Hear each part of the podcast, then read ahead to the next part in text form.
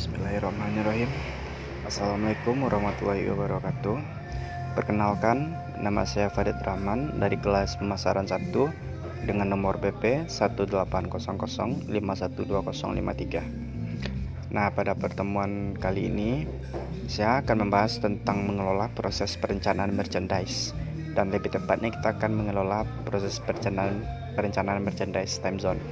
Yang pertama itu manajemen merchandise merupakan proses di mana retail mencoba untuk menawarkan barang dagangan merchandise dengan jumlah yang tepat pada waktu yang tepat pula kepada pelanggannya untuk memenuhi tujuan keuangan perusahaan dan kegiatannya yaitu menganalisis tren pasar, menganalisis data penjualan, membuat penyesuaian diperlukan terkait dengan merchandise.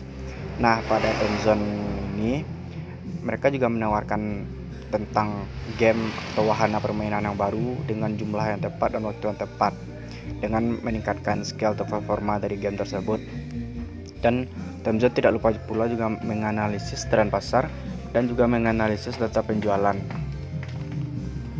Uh, selanjutnya itu organisasi pembelian retail dan proses perencanaan merchandise. Eh, nah, pada sesi ini telah dibahas pada sesi sebelumnya. Yang, yang selanjutnya itu melakukan forecasting yaitu Temzone memahami siklus hidup produk atau tentang game apakah layak dimainkan atau tidak dimainkan. Yang kedua itu mengumpulkan data penjualan produk dan perbandingan produk seperti perbandingan game satu dengan game yang lainnya dan menggunakan teknik statistik untuk memproyeksikan penjualan dan yang terakhir itu bekerja sama dengan vendor atau manufaktur untuk koordinasi produksi dan pengiriman barang dagangan. Seperti Temzon telah berkolaborasi dengan perusahaan-perusahaan besar lainnya. Yang selanjutnya itu perencanaan assorter produk.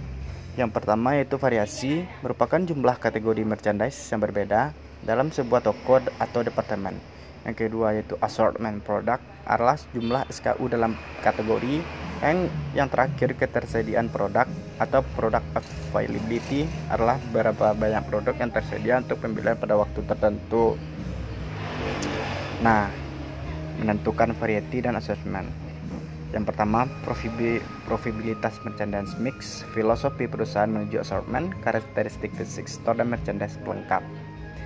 Yang selanjutnya yaitu manajemen inventory.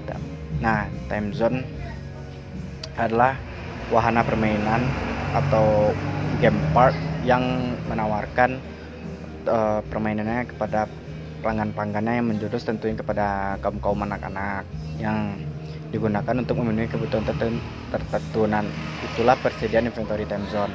Nah, pada satu sisi, pengurangan biaya persediaan dengan cara menurunkan tingkat persediaan dapat dilakukan oleh time zone ini, tetapi pada sisi lain konsumen akan tidak puas apabila suatu suatu gamenya uh, tidak mendapatkan yang terbaik. Nah, oleh karena itu keseimbangan antara investasi dan game atau persediaan dan tingkat pelayanan kepada konsumen harus dapat dicapai oleh time zone tersebut. Yaitu selanjutnya materi ini mengendalikan inventory. Yang pertama analisis ABC. Nah, analisis A itu persediaan jumlah nilai uang per tahunnya tinggi tetapi biasanya volumenya kecil. Yang kedua yaitu volume B persediaan yang jumlah nilai uang per tahunnya sedang tetapi biasanya volumenya sedang. Yang terakhir itu kelompok C persediaan jumlah nilai uang per tahunnya rendah tetapi biasanya volumenya besar.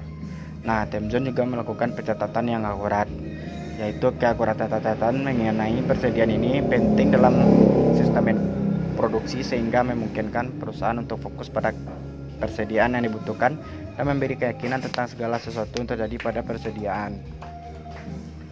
Yang terakhir itu penghitungan siklus atau cycle counting. Usaha membuat catatan persediaan yang akurat harus dilakukan dengan cara catatan atau arsip harus diverifikasi melalui pemeriksaan atau audit yang berkelanjutan.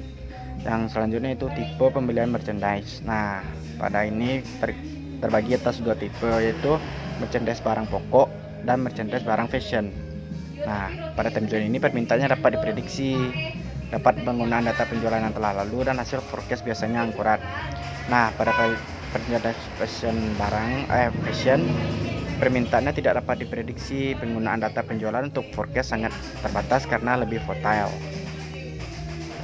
Nah, selanjutnya itu jenis brand yang dapat dijual. Nah, tentunya pada time zone ini national brandnya yaitu seperti game yang biasa dimainkan atau yang paling populer pada time zone tersebut seperti warna permainan skate-nya dan warna permainan seperti mobil balapan. Nah, pada kali ini time zone sangat memfokus seperti permainan tersebut karena permainan tersebut sangat banyak sangat banyak diminati sehingga anak-anak tersebut rebutan untuk main-mainkan game tersebut. Nah, yang kedua itu private label brand dikembangkan oleh Peritel dan hanya dijual oleh gerai Peritel seperti game Time Zone. Nah, game tersebut hanya ada di Time Zone dan tidak dapat ditiru oleh pesaing lainnya.